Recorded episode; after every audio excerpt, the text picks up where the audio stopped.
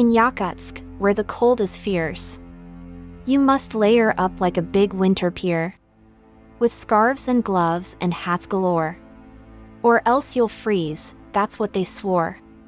The temperatures drop to minus 50. And residents say it's not that thrifty.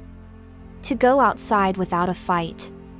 You'll freeze in no time, day or night.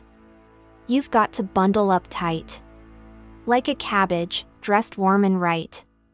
Or else you'll suffer, that's a fact. In Yakutsk, where cold is a constant act, the wind it howls and the snow it falls, making it hard for one to stand tall. But Yakutsk residents, they know the drill. They bundle up, warm and still. The key is layering, that's what they say. From head to toe, each and every day. A scarf to cover your neck and face. A hat to protect in this cold and harsh place. Gloves to keep your hands warm and snug. And multiple layers to keep the cold out of your mug. And boots to protect your feet from the snow. For in Yakutsk, the cold is always on the go. But even with all this gear, it's still a test. To brave the cold and pass the test. For in 2018, it got so cold that even eyelashes froze, as they've been told. So if you're thinking your winter's cold, just remember Yakutsk, where it's bold, and bundle up, layer by layer, or suffer the cold like a frozen player. For in Yakutsk, the cold is always here.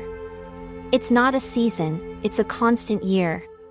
But residents know how to survive and thrive in this cold and bitter drive.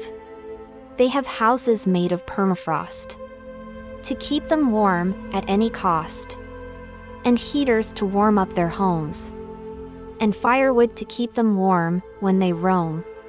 They have fur coats and boots made of hide to keep them warm on the inside, and hot soups and teas to keep them fed and warm their insides before they hit the bed.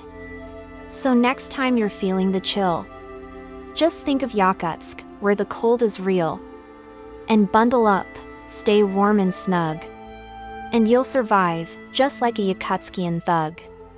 For though the cold may be extreme, the Yakutskians have learned to make it seem a part of life, a daily routine, to brave the cold and live like a dream.